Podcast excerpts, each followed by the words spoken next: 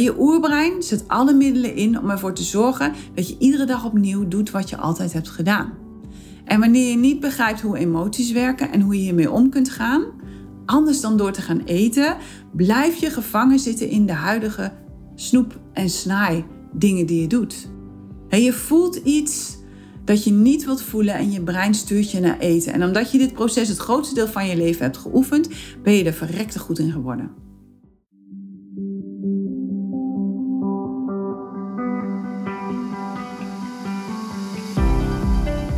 Welkom bij de Eetgeluk podcast met eetgeluk-expert Carola van Bemmelen, waarin je leert hoe je weer een relaxte relatie kunt creëren met eten. Door middel van het managen van je oerbrein en het kiezen voor me first. Zodat je voorgoed gaat stoppen met snoepen, snaaien, overeten en diëten en weer trots bent op jezelf. Dag mooie vrouw, hoe gaat het met je vandaag? Hoe voel je je? Ik voel me heerlijk.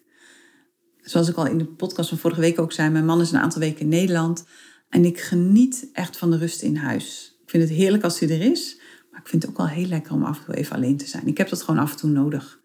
Ik ben een introvert en inmiddels leer ik steeds beter hoe ik daarmee om kan gaan. En zo weet ik inmiddels ook dat ik af en toe echt even ruimte voor mezelf nodig heb, omdat ik dat gewoon nodig heb om op te laden, om mijn hoofd weer voor mezelf te krijgen. En in het verleden voelde ik me daar altijd heel schuldig over, maar tegenwoordig weet ik dat. En weet ik dat wanneer ik dat aan mezelf geef, dat ik daar echt een heel stuk leuker en aardiger en vriendelijker van word. Zowel naar mezelf als naar andere mensen. Dus het is echt goed ook voor die ander als ik die ruimte even neem voor mezelf. He, aldoende leert men, zullen we maar zeggen. Dus ik geniet op dit moment nog één dagje van de rust en de ruimte voor mezelf. Morgen komt u weer terug. En ik merk gewoon echt dat mijn brein heel lekker leeg en relaxed is. En soms voel ik me echt net een telefoon die dan aan de oplaatkabel ligt.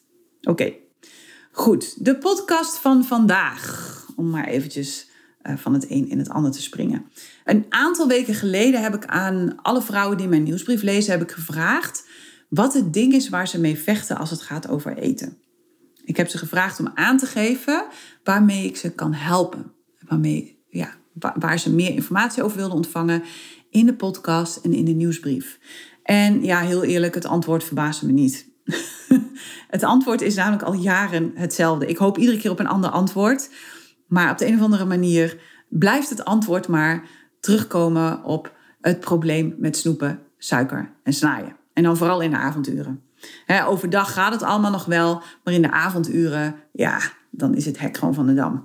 En dan is het gewoon heel moeilijk om niet naar die voorraadkast of naar die snoep laten lopen. En in de Etelijke Universiteit heb ik een speciaal programma hiervoor ontwikkeld. Hè? Een speciaal programma wat je kan helpen om te stoppen met snoepen en snaaien. En in dat programma leg ik uit waardoor het ontstaat. En ik geef je een aantal praktische stappen die je helpen om te stoppen met dat snoep- en snaaigedrag. Mocht je erin geïnteresseerd zijn, podcast nummer 58, daarin vertel ik alles over deze stappen. dus als je dat wil weten, luister dan zeker ook even naar die podcast. Waar ik het vandaag over wil hebben, is waar dat snoep- en snaaigedrag nou eigenlijk vandaan komt. Waarom doen we het? Wat is de reden dat we iedere keer opnieuw weer vallen voor al dat lekkers dat in de supermarkt te koop is? En heel eerlijk gezegd, nu ik het niet meer neem, vind ik het eigenlijk ook helemaal niet meer zo lekker. Ik vind het echt kunstmatig. Maar goed, toen ik daar nog zat, toen had ik ook vaak een hele studie van het chipsrek of een hele studie van het rek waar alle dropjes en snoepjes lagen, voordat ik wat mee naar huis nam. Goed, wat belangrijk is om te weten is dat snoepen en snaaien, net zoals heel veel andere dingen in je leven, iets is dat je je hele leven lang hebt geoefend. dus daarom ben je er ook zo goed in geworden. Iets wat je vaak oefent, daar word je gewoon goed in. En waarschijnlijk is dit gedrag al begonnen in je kindertijd. je hebt ooit op een bepaald moment in je leven onbewust de verbinding gemaakt dat eten je helpt om je goed te voelen. Tot zover niks nieuws onder de zon, denk ik. Zeker als je al wat langer naar deze podcast luistert en al helemaal als je lid bent van de Eetgeluk Universiteit. Je hebt ooit een ervaring gehad die niet fijn was en die beter werd door te gaan eten of drinken. Bijvoorbeeld, je wist je geen houding te geven op een feestje. Of je verveelde je. Of je was verdrietig. Je was alleen op je kamer en je maakte het gezellig met eten. Dat deed ik nog wel eens. Uh, je at of je dronk mee omdat je erbij wilde horen. Je was gefrustreerd of boos en je merkte eigenlijk dat je je beter voelde als je ging eten. Je had liefdesverdriet. En je merkte dat een doos bonbons het ja, toch wel minder erg maakte. dus Je at wat of je dronk wat en je voelde je beter. En dat hielp je om tijdelijk even te kunnen ontsnappen van de emotie die je op dat moment ervaarde. Het haalde de scherpe kantjes eraf op de korte termijn. Maar de hamvraag is natuurlijk altijd: loste het ook echt wat op? Zorgde het er echt voor dat de vervelende emoties voorgoed verdwenen? Waarschijnlijk wel in het moment, maar uiteindelijk kwamen ze gewoon weer terug. En dus had je nog maar weer wat.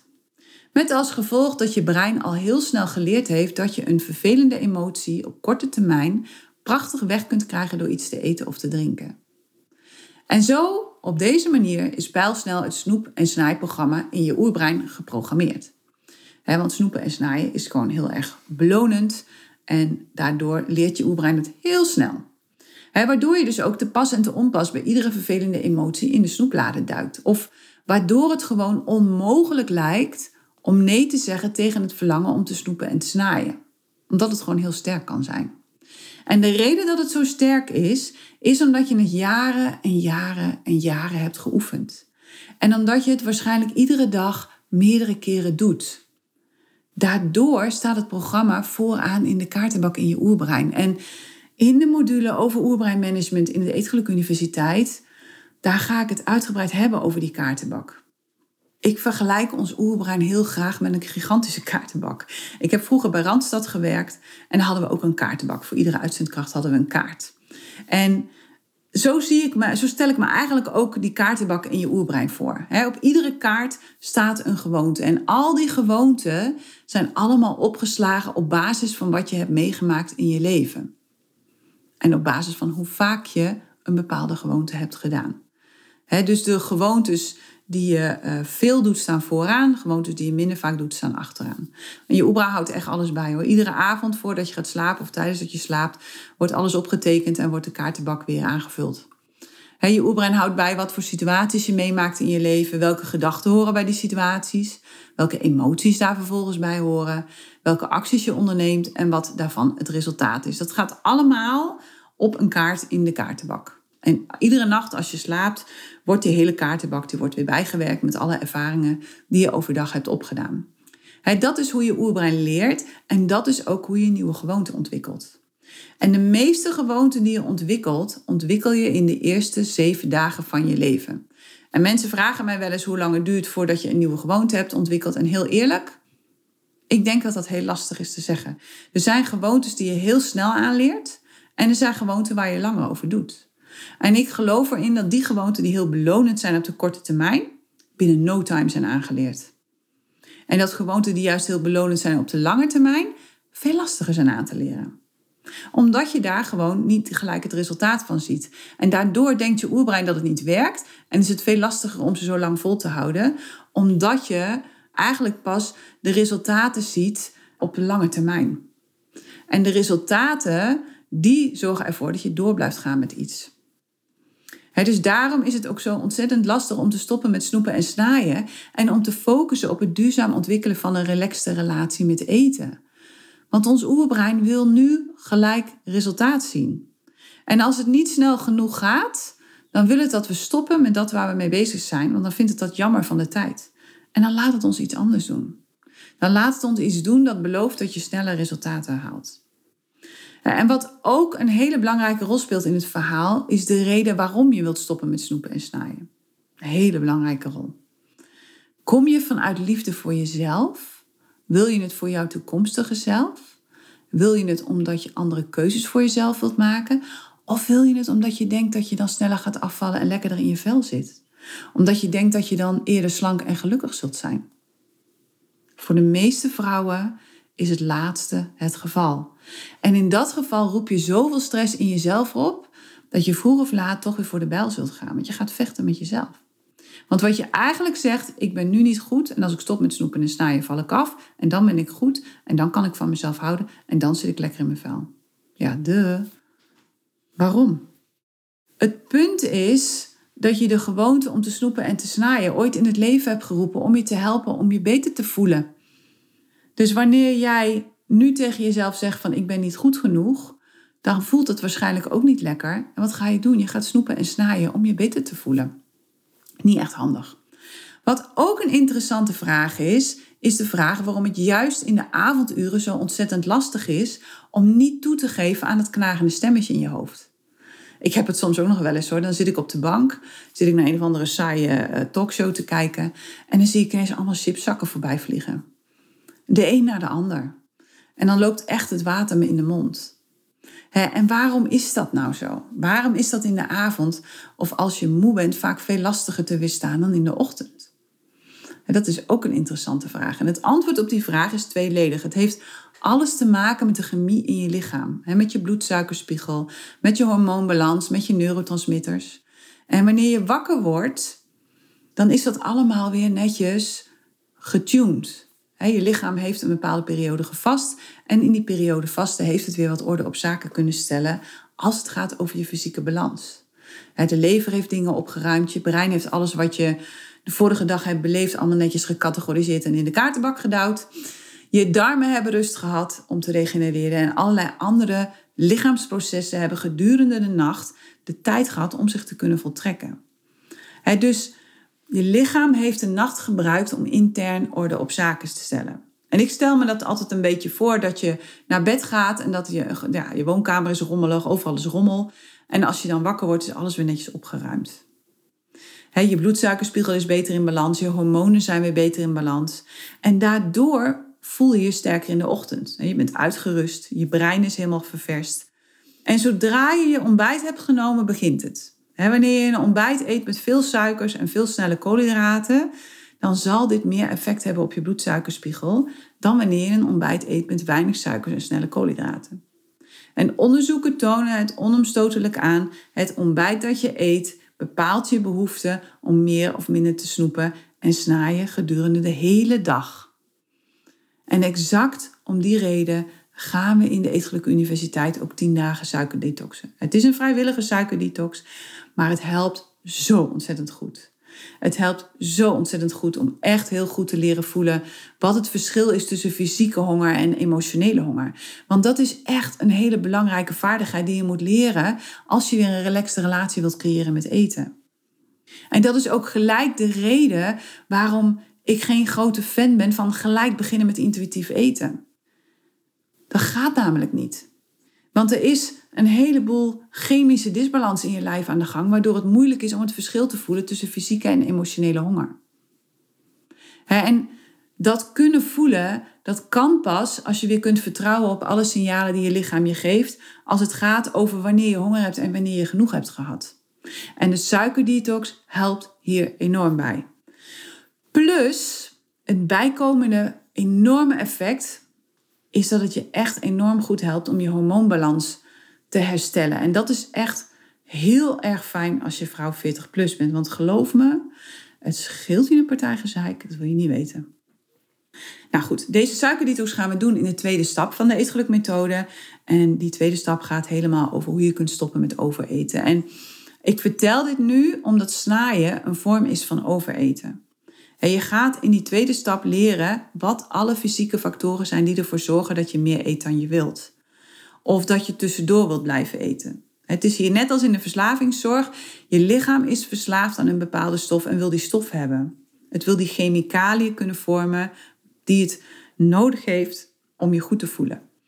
Pas wanneer je de fysieke behoeften van het lichaam doorbreekt, dan pas wordt het mogelijk om alle onderliggende emoties te gaan verwerken die ervoor zorgen dat je steeds opnieuw loopt te snoepen en te snaaien. Dus je zult eerst die balans in je lijf moeten herstellen, zodat je gaat herkennen van, oh wacht even, ik heb nu wel behoefte aan eten, maar eigenlijk heb ik helemaal geen honger, er is wat anders aan de hand. En dat kan pas wanneer je echt op die signalen van je lichaam kunt gaan vertrouwen. Goed, als ik nu even terugga naar de vraag waarom het zo verrekte lastig is om in de avond te stoppen met snoepen en snaaien, dan heb je hier gelijk het eerste antwoord te pakken.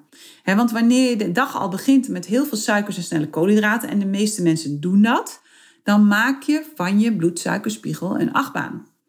Je maakt er een soort Himalaya-gebergte van. Met enorme pieken en enorme dalen. En in die dalen moet je steeds opnieuw weer eten. En daardoor krijg je steeds meer behoefte aan suikers en snelle koolhydraten overdag. Wanneer je afleiding hebt van alles waar je mee bezig bent, dan gaat het vaak nog wel. Maar in de avond, als alle afleiding weg is, je bent moe en je bent aan jezelf en aan de tv overgeleverd. Ja, dan wordt het echt wel lastig. dus dat is echt reden nummer 1. De chemische balans in je lichaam ligt totaal overhoop. En dat komt omdat je bloedsuikerspiegel gedurende de dag een enorme achtbaan is geworden om allerlei redenen.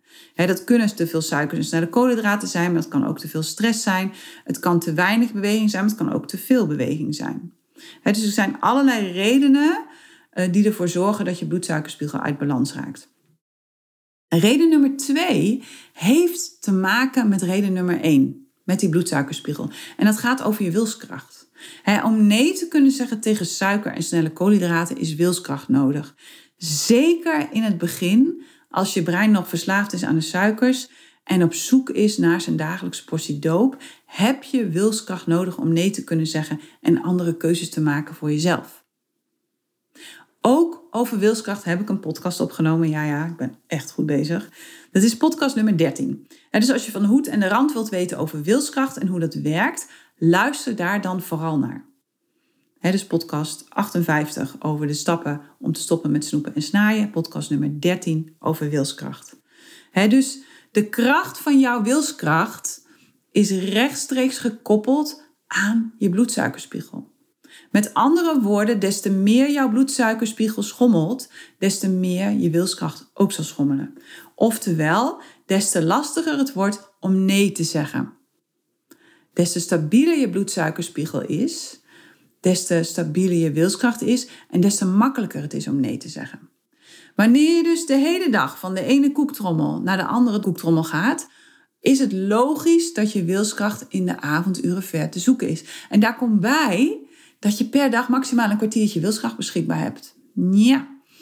En die wilskracht die is eigenlijk niet bedoeld om nee te zeggen tegen eten, maar die is veel meer bedoeld om te dealen met de dingen die zich voordoen in je leven. Met het vriendelijk blijven tegen mensen die niet aardig zijn, met het behandelen van mails, met al die nieuwe dingen die je misschien nog moet onderzoeken. Dus een kwartiertje is eigenlijk niet zo heel veel. En je kunt het wel weer opladen hè, door het nemen van pauzes in de natuur of door een half uurtje te mediteren of aan yoga te doen. Maar ja, de meeste mensen nemen daar de tijd niet voor. Dus wilskracht alleen is geen goede strategie om te stoppen met snoepen en snaaien. Wat je veel beter kunt doen, is starten met een verstandig ontbijt. En als het lukt, kiezen voor een verstandige lunch. Dat scheelt je aan het eind van de middag en in de avond heel veel snijbehoeften dus het tweede deel van het antwoord op de vraag waarom het in de avonduren zo lastig is om niet toe te geven aan die behoefte om te snoepen en snaaien, dat is het volgende waar ik het over ga hebben. En dat heeft alles te maken met emoties en gewoonten. Vaak start je met eten vanuit een emotie. Maar als je dat gedrag maar vaak genoeg herhaalt, dan wordt het uiteindelijk een gewoonte. Dan wordt het iets dat je automatisch doet zonder erbij na te denken en waar je lichaam op den duur naar gaat verlangen. En dat verlangen kan zo sterk zijn dat het lijkt alsof je doodgaat als je het niet doet. je oerbrein zet alle middelen in om ervoor te zorgen dat je iedere dag opnieuw doet wat je altijd hebt gedaan. En wanneer je niet begrijpt hoe emoties werken en hoe je hiermee om kunt gaan, anders dan door te gaan eten, blijf je gevangen zitten in de huidige snoep- en snaai dingen die je doet. En je voelt iets dat je niet wilt voelen en je brein stuurt je naar eten. En omdat je dit proces het grootste deel van je leven hebt geoefend, ben je er verrekte goed in geworden. Ben je echt volleerd professional geworden. En gaat het volledig automatisch. Waardoor je vaak niet eens snapt waarom je nu die zak chips zit te eten. terwijl je eigenlijk helemaal geen honger hebt. Nou, vervolgens bevat die chips allerlei slimme stofjes, waardoor je oerbrein meer wil hebben en waardoor je niet meer kunt stoppen met eten. Dus het is een 1-2'tje. Hè? Het is de gewoonte en de stofjes in het eten die de gewoonte uh, versterken. een stukje van jezelf in de vorm van emoties waarmee je nooit hebt leren omgaan en een stukje van slimme voedingsindustrie. dus jouw emoties bepalen 95% van al je snoep- en snaaigedrag. We denken vaak wel dat het allemaal wordt veroorzaakt door het eten dat we eten. Maar eten is iets dat je doet. Het is een actie. En een actie staat achteraan. Voordat je een actie doet, heb je altijd een emotie. Eten is iets wat je doet omdat je je op een bepaalde manier voelt. En wanneer je dus de fysieke balans in je lichaam hebt hersteld, dan weet je dat al die keren dat je vanaf nu wilt snoepen en snaaien, voortkomen uit een emotie. Uit iets dat je onbewust voelt ergens in je lichaam en wat vervolgens een kaart in de kaartenbak in je oerbrein activeert met daarop een gewoonte. Je oerbrein scant de situatie, zoekt er vervolgens de meest passende gewoontekaart bij en dat is wat het je laat doen. Onbewust. Je hebt het zo vaak gedaan dat het volledig geautomatiseerd gedrag is. Dus je emotie triggert een gewoonte en die gewoonte is op haar beurt weer ontstaan door een emotie. Dus leren hoe emoties werken en hoe je hiermee om kunt gaan is essentieel als je wilt stoppen met snoepen en snaaien en weer een relaxte relatie wilt creëren met eten en met jezelf. En als gezegd, er zijn zeven stappen die je dient te zetten wanneer je wilt stoppen met snoepen en snaaien. Ik leg ze allemaal kort uit in podcast nummer 58. En als je meer wil, kun je er uitgebreid mee gaan oefenen in de Stop met Snaaien Challenge in de Eetgeluk Universiteit. Het belangrijkste voor nu is in ieder geval dat je weet dat er twee factoren zijn die jouw snoep- en snaaigedrag bepalen in de avonturen. Hè? De chemische balans in je lichaam en je beschikbare wilskracht op dat moment. En je emoties en gewoonten die je hebt gecreëerd vanuit je emoties en hoe die elkaar beïnvloeden. De eerste beste stap die je kunt zetten als je wilt stoppen met snoepen en snaaien. En nogmaals, in de Stop met Snaaien challenge leer ik je het hele proces. Nu krijg je van mij gewoon de eerste stap die je kunt zetten. Focus op een ontbijt en op een lunch die je helpen om je bloedsuikerspiegel beter in balans te houden. En leer vervolgens hoe je kunt omgaan met je emoties door te leren hoe je je oerbrein kunt managen. Dat is de beste manier om je suikerbrein te genezen en om ja, voor eeuwig, voor altijd, voor blijvend te gaan stoppen met snoepen, snaaien, overeten en dus ook met diëten. Hè? Want als je niet meer snoep, snaait en overeet, hoef je ook niet meer op dieet. Hoe fijn zou dat zijn? Goed, ik uh, spreek je volgende week weer. Tot dan.